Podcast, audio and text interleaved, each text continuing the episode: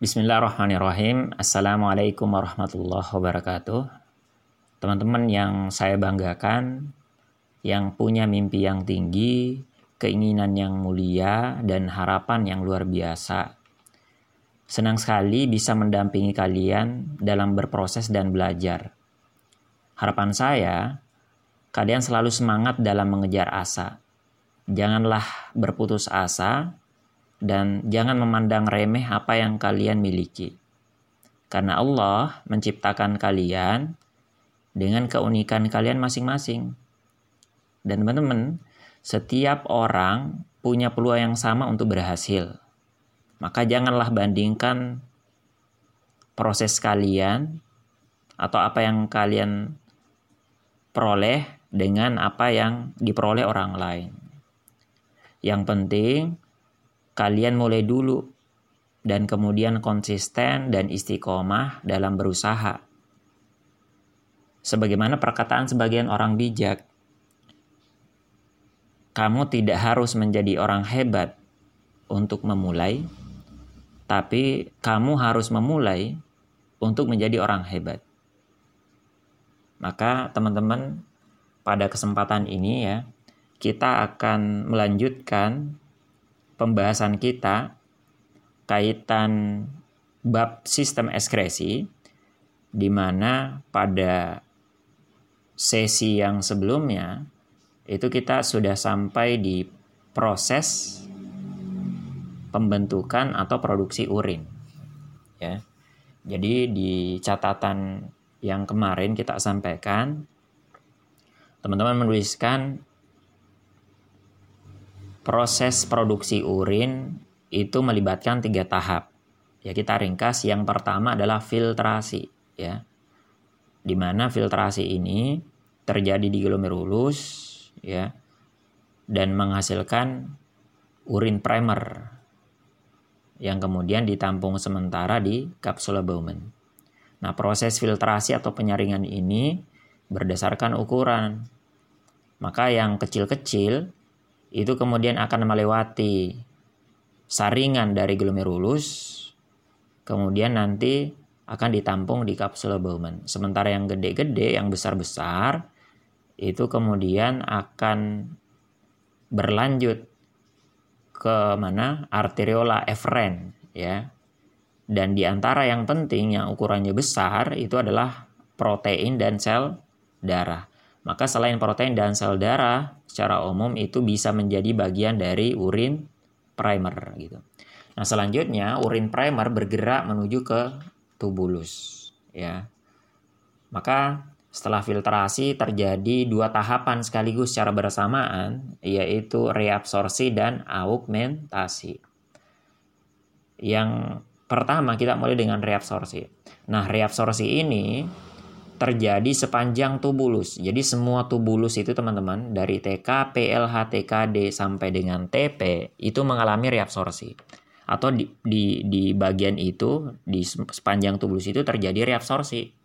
Apa itu reabsorpsi? Yaitu penyerapan kembali senyawa yang tentunya masih dibutuhkan oleh tubuh kita disebut reabsorpsi atau penyerapan kembali atau penyerpa, penyerapan kedua kalinya karena senyawa-senyawa tersebut pernah pernah diserap pertama kali di mana? Di saluran pencernaan yaitu di usus halus teman-teman. Maka di sana garam mineral ya, kemudian nutrisi ya, eh, semisal glukosa dan asam amino diserap pertama kalinya kemudian dari usus halus dibawa ke darah, dari darah ke jantung, dari jantung ke ginjal. Nah, di ginjal dia harus diserap kembali ya karena akan nanti diedarkan ke bagian tubuh yang lain yang membutuhkan gitu. Maka kita mulai dengan reabsorpsi di bagian tubulus contortus proximal ya. Dulu waktu kita atau mungkin waktu kita sekolah eh, waktu materi kelas 2 ya, jadi waktu kita kelas 2 dulu itu Seingat saya sama guru saya itu diajarinya reabsorpsi itu seakan-akan hanya terjadi di bagian TKP ini. Dan itu kurang tepat teman-teman. uh, memang TKP ini adalah tempat penyerapan utama, tapi tidak satu-satunya karena sepanjang tubulus ya selain TKP juga itu terjadi penyerapan. Nah di TKP apa yang diserap? Di antaranya yang utama adalah nutrisi ya mencakup glukosa, asam amino ya. Itu termasuk juga kalau ada asam lemak dan gliserol itu diserap 100% di sana. Ya, maka memang untuk nutrisi itu tidak mungkin diserap di bagian lain, tidak diserap di LH, tidak diserap di TKD, tidak diserap di TK. Ya, 100% diserap di TKP ya. Maka semisal di urin seseorang mengandung gula, mengandung nutrisi ya maka yang diduga rusak itu adalah bagian yang mereabsorsinya yaitu tubulus contortus proximal gitu. Seperti yang kita contohkan di kelas ya. Misalnya ada orang buang air kecil ya. Kemudian tidak lama urinnya dikerubunin semut. Nah, kemudian dia datang ke dokter, dicek oh ternyata gula darahnya normal saja ya. Ternyata hormon insulinnya juga tidak bermasalah gitu. Maka dokter bisa menduga ada bagian ginjal yang rusak. Yang mana teman-teman? Maka jawabannya TKP gitu. Maka yang pertama tadi di catatan kita adalah 100% nutrisi. Yang kedua ya adalah air. Nah air ini diserap paling banyak di TKP juga ternyata. Ya, ada buku yang menuliskan 60 60-an persen ya. 65 persen sampai dengan 85 persen itu diserap di TKP gitu. Nah, selain nutrisi dan air juga di sana terjadi penyerapan garam mineral, misalnya Na+ ya. Maka Na+ diserap juga di bagian TKP termasuk juga HCO3- ya, ion bikarbonat yang tujuannya adalah untuk mengatur pH darah. Jadi HCO3- diserap di sana. Tujuannya untuk menambahkan buffer ke darah ya sehingga bisa mengatur pH dari darah kita.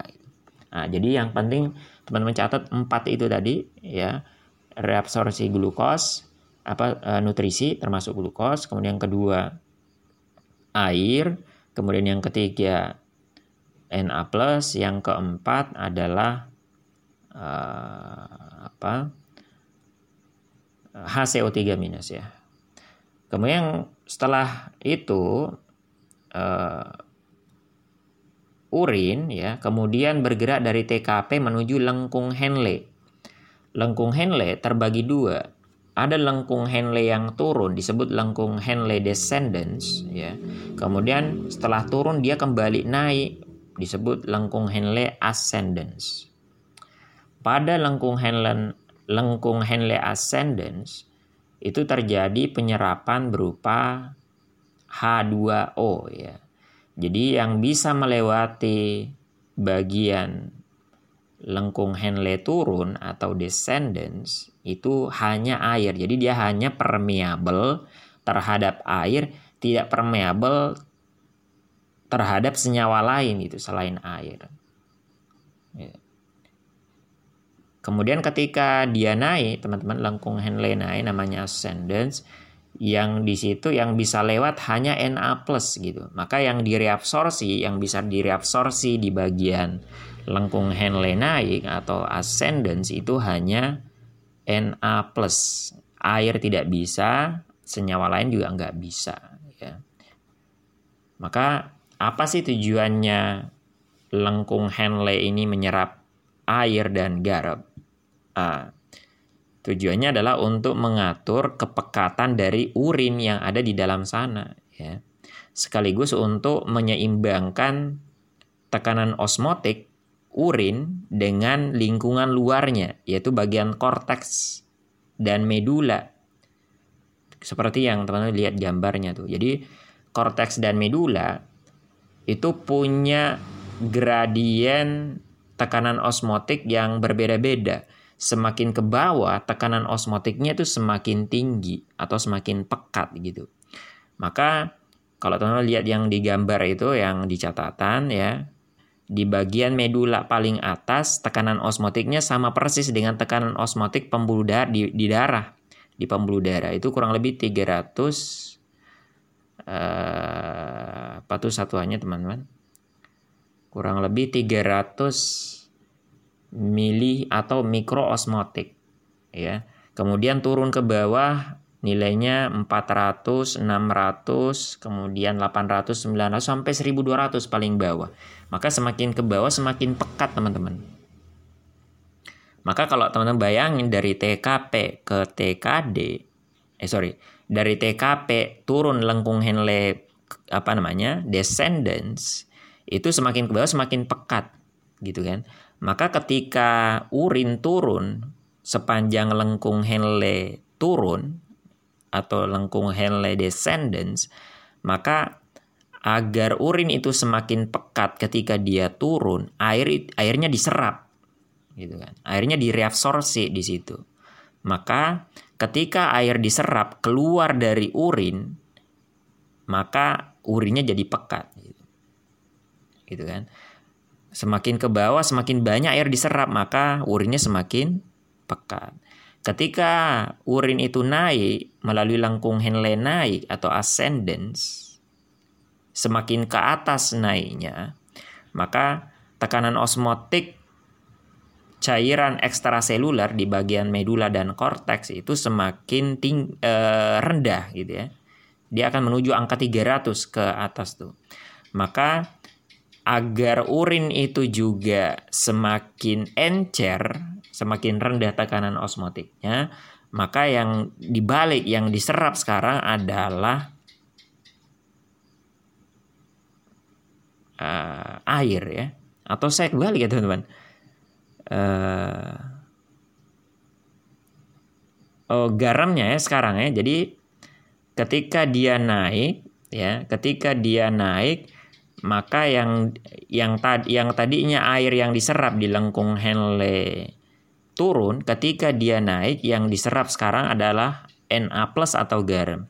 Sehingga ketika garam diserap direabsorpsi dari urin maka nanti dia akan semakin encer ketika sampai di TKD Nah, itulah ya kurang lebih Ringkasannya lengkung Henle itu tujuannya adalah untuk mengatur kepekatan urin sekaligus menyeimbangkan tekanan osmotik antara urin yang ada di tubulus di lengkung Henle dengan tekanan osmotik cairan yang ada di korteks dan medula. Ya. Ke kemudian bagian yang ketiga, tubulus contortus distal. Apa yang terjadi di TKD kaitan reabsorpsi, teman-teman?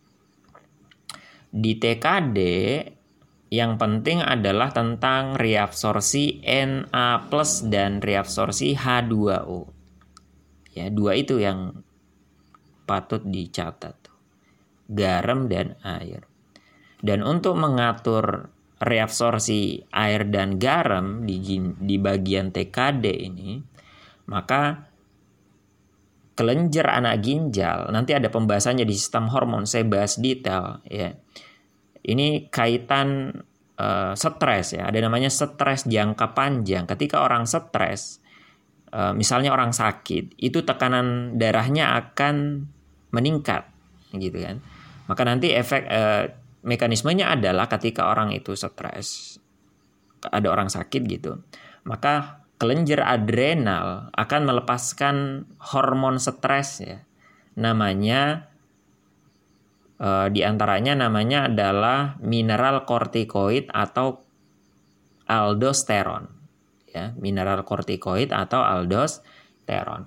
Maka dari kelenjar anak ginjal hormon ini dibawa oleh darah menuju ke ginjal, tepatnya ke TKD ya organ targetnya atau sel targetnya itu adalah TKD, sel-sel epitel yang ada di TKD.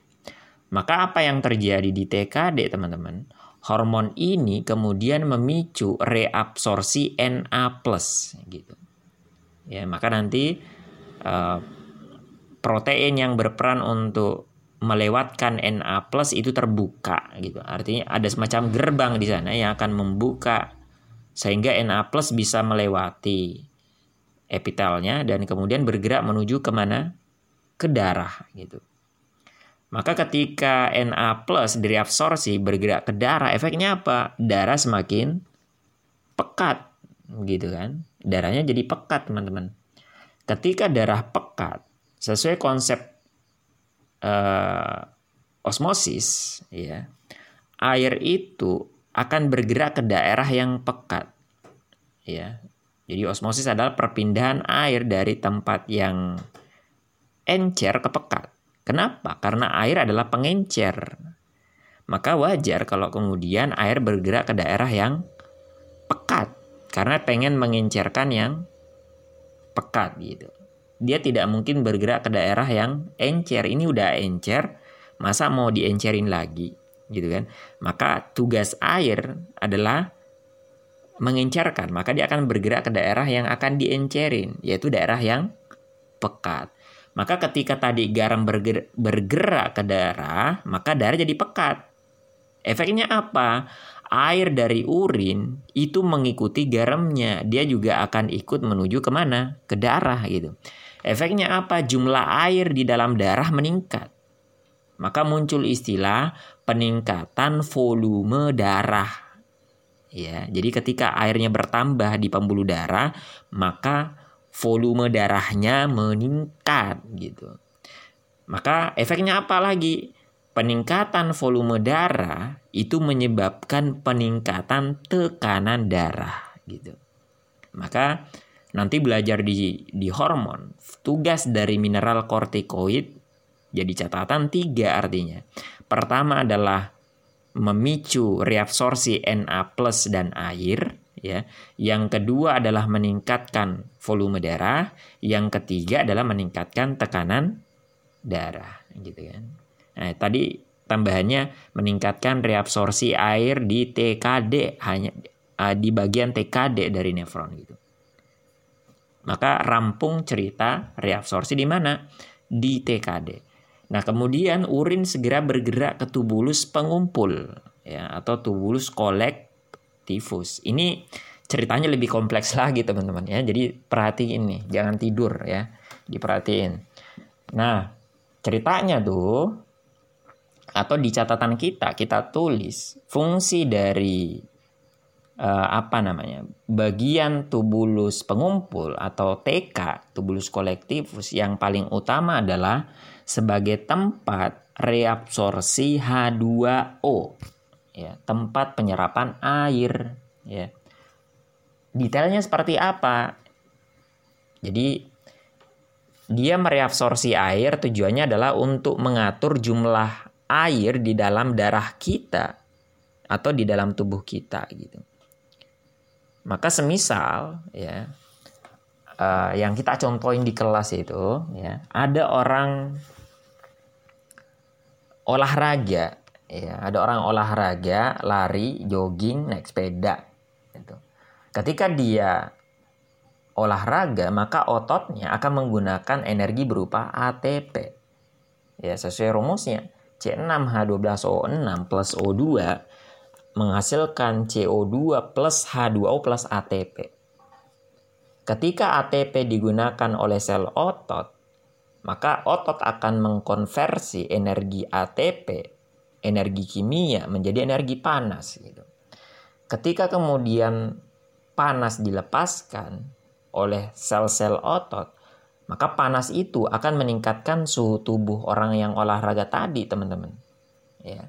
Efeknya apa? Suhu tubuh meningkat.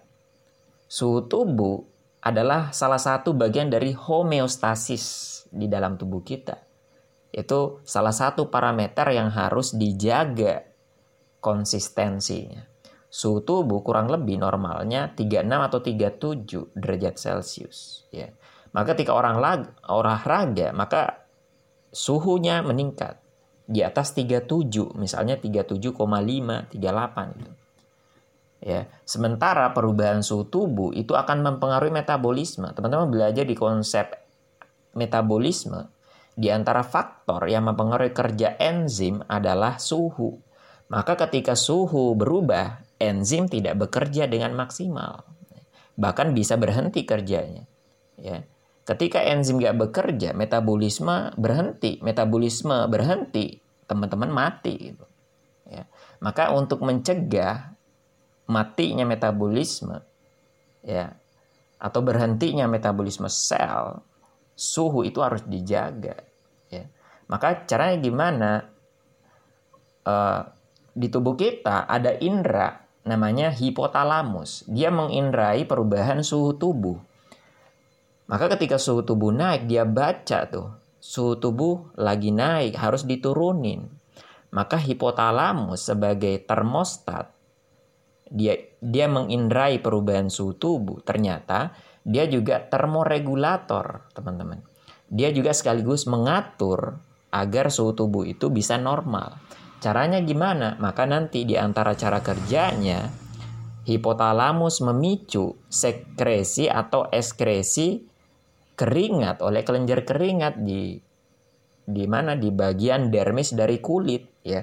Ketika kemudian keringat dikeluarin, keringat ke permukaan kulit memberikan efek pendinginan. Efeknya apa kemudian? Suhu tubuh jadi nurun. Alhamdulillah teman-teman ya normal lagi tuh kita cuman ada efek lainnya apa tuh airnya berkurang ya kalau suhunya udah normal ya ini efek efek lainnya adalah jumlah air di dalam tubuh kita menurun gitu kan? Maka lagi-lagi ini juga harus normal karena kalau yang tadi tentang homeostasis homeostasis suhu tubuh yang ini tentang homeostasis tekanan osmotik darah. Nah, itu kan? Nah, bercabang lagi nih. Nah, homeostasis jumlah air dalam tubuh gitu kan? Tekanan osmotik namanya itu belajar konsep sel Allah saya akan sharing juga nih uh, pembahasannya ya jadi ringkasnya dengan orang berkeringat jumlah air di dalam tubuh menurun ya maka terjadi atau mengarah kepada namanya dehidrasi teman-teman maka ketika dehidrasi suhu tuh apa namanya jumlah air menurun termasuk di darah gitu kan. Teman-teman bayangin jumlah air di darah menurun efeknya apa? Jumlah air di darah menurun, darahnya jadi pekat tuh teman-teman ya. Tekanan osmotiknya meningkat tuh. Airnya keluar itu. Maka untuk menormalkan jumlah air di dalam tubuh, hipotalamus melakukan dua hal. Ya. Pertama, hipotalamus memicu rasa haus. Itulah hipotalamus termasuk juga fungsinya pusat haus. Selain fungsi yang lain tuh hipotalamus itu pusat lapar, pusat kenyang, pusat haus, pusat reproduksi. Banyak banget fungsinya teman-teman. Hipotalamus. Insya Allah kita akan bahas detail itu di sistem saraf dan di sistem hormon. Ya. Ringkasnya kemudian hipotalamus ya memicu rasa haus sehingga teman-teman minum tuh gitu kan minum. Nah, ketika teman-teman minum maka akan menambah jumlah air di dalam tubuh dan harapannya sampai normal. Itu cara kerja pertama. Cara kerja kedua dari hipotalamus adalah dia akan memicu sekresi hormon ADH. Ya. Sesuai namanya ADH itu apa? Antidiuretik hormon, gitu kan. Diuretik kata diuretik itu kata sifat di dalam bahasa Inggris kata dari kata diuresis. Diuresis adalah proses pengeluaran urin gitu kan. Maka ADH adalah anti diuretik hormon, anti pengeluaran urin. Artinya apa? Ada ADH orang nggak pipis. Ya. Kebalikan nggak ada ADH orang yang pipis. Gitu. Maka kita balikkan ke, ke, ke pembahasan. Ketika kemudian hipotalamus memicu pelepasan hormon ADH, ADH sesuai konsep dasarnya lagi di sistem hormon, ya semua hormon dibawa oleh darah ke organ targetnya. Maka dari kepala kita ADH itu dibawa oleh darah menuju ke ginjal. Ginjal bagian mana? Nefron detailnya di bagian TK atau TP, gitu kan. Maka ketika ADH sampai di TK atau TP, maka nanti ADH itu memicu TK atau TP untuk melakukan reabsorpsi air. Gitu kan. Efeknya apa? Air bergerak ke darah. Nah, ketika air bergerak ke darah, itu akan mengembalikan air yang masuk yang masuk bersama darah ke ginjal balik lagi ke darah gitu. Maka pada dasarnya reabsorpsi ini tidak menambah jumlah air di tubuh kita. ya. Jadi teman-teman bayangin ada darah masuk ke ginjal bersama ada airnya. Maka ketika masuk ke ginjal dia diproses dengan adanya hormon ADH, airnya bisa ditarik lagi ke dalam tubuh ya. Eh, sehingga tidak keluar menjadi urin. Jadi tujuannya adalah dia hanya mengembalikan air itu ke darah sehingga kita tidak semakin kehabisan air di dalam tubuh. Jadi tadi tuh orangnya udah keringetan, udah keluar air yang banyak karena olahraga gitu. Jangan sampai dia semakin dehidrasi, maka proses pengeluaran air yang lain itu dihentikan. Ya, ketika orang keringetan, agar semakin tidak dehidrasi dia nggak boleh pipis gitu kan. Maka dengan reabsorpsi air di bagian ujung dari nefron yaitu TK atau TP maka nanti air itu diserap sehingga urin tidak kemudian dihasilkan. Ya sehingga mustahil orang normal ini ya orang yang keringetan itu kemudian pengen pipis ya nggak mungkin kecuali kalau teman-teman lagi error tuh tubuhnya ya. Nah, maka uh, uh, pembahasan tentang TP atau TK itu lebih ke arah tadi regulasi air yang tujuannya untuk homeostasis tekanan osmotik dari cairan tubuh atau darah gitu ya teman-teman. Ya jadi untuk reabsorsinya ya sampai segitu aja. Jadi intinya tuh reabsorsi terjadi sepanjang uh, tubulus nefron dari TKP, LH, TKD dan TK. Setiap bagian ternyata punya karakter masing-masing ya.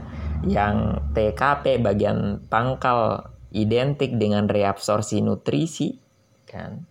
Kemudian LH identik dengan reabsorsi yang tujuannya untuk pemekatan urin yang TKD reabsorsinya tujuannya untuk mengatur tekanan darah dan volume darah. Nah, luar biasa. Jadi organ target dari hormon, aldosteron. Sementara yang terakhir TK atau TP tujuannya untuk mengatur jumlah air ya jumlah air di dalam tubuh kaitan homeostasis jum, uh, jumlah air dalam tubuh atau tekanan osmotik di mana dia jadi organ target dari hormon ADH. Saya kira itu aja teman-teman ya. Saya mohon maaf ini kalau membuat teman-teman bosan ya dengan dengan penjelasan yang terlalu jelimet ya berbelit-belit. Tapi harapan saya teman-teman tetap semangat belajarnya ya. Ya mudah-mudahan uh, ikhtiar teman-teman tidak sia-sia. Insya Allah nggak ada yang sia-sia lah ya. Ikhtiarnya yang penting diikhlaskan lillahi ta'ala ya. Teman-teman belajar tujuannya adalah pengen apa? Pengen mimpinya terwujud. Ketika mimpinya terwujud ya harapannya adalah teman-teman bisa memberikan manfaat yang seluas-luasnya ke banyak orang ke banyak manusia. Apalagi mimpi teman-teman jadi dokter luar biasa ya Mudah-mudahan apa yang teman-teman mimpikan benar-benar terwujud ya. Uh, apa namanya? bulatkan tekadnya, kemudian kencangkan ikat pinggang uh, dan jangan berhenti berusaha. Jatuh bangun itu biasa ya. Ketika jatuh motivasi dirinya ya, dekatkan diri kepada Allah, perbanyak ibadah, perbanyak doa ya. Kemudian uh, apa namanya? Eratkan hubungan dengan orang tua ya. Uh, itu insya Allah menjadi keberkahan sendiri ya selama perjuangan teman-teman, selama belajar. Ya mudah-mudahan insya Allah lah teman-teman bisa lulus dan kemudian bisa kuliah tahun ini. Amin. Kita tutup. Lebih dan kurangnya saya mohon maaf. Assalamualaikum warahmatullahi wabarakatuh. Semangat ya.